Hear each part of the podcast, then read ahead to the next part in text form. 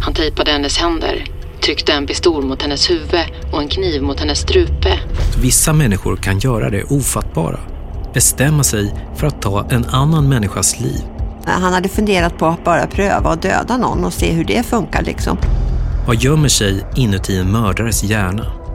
Det blir lite obekvämt att se att någon kan vara sådär trevlig och social. Och sen får man veta att den här personen är också kapabel till fruktansvärda brott med extremt våld och sadistiska inslag som till exempel då stympning av offer och så vidare. Därför mördar de. I den här podcastserien kommer du få svar på vad det är som gör att vissa människor kan göra det ofattbara. Man kallar de här också mycket för ensamagerande, de här personerna. Själva mördandet i sig är det som ger störst tillfredsställelse. Och sen så känner de sig ganska nöjda helt enkelt efteråt. Vad är mekanismerna bakom ett sådant beslut? När vi kollar på de här morden så ser vi att samma mönster återkommer.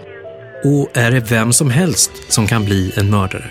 Man föds inte till mördare, men däremot så föds man med olika risker att bli mördare. Då letar man ju efter genetiska faktorer då helt enkelt. Och då är, då är vi verkligen inne på mekanismer. Det där är förbaskat intressanta saker nämligen. Därför mördar de. Lyssna redan nu exklusivt hos Podmi.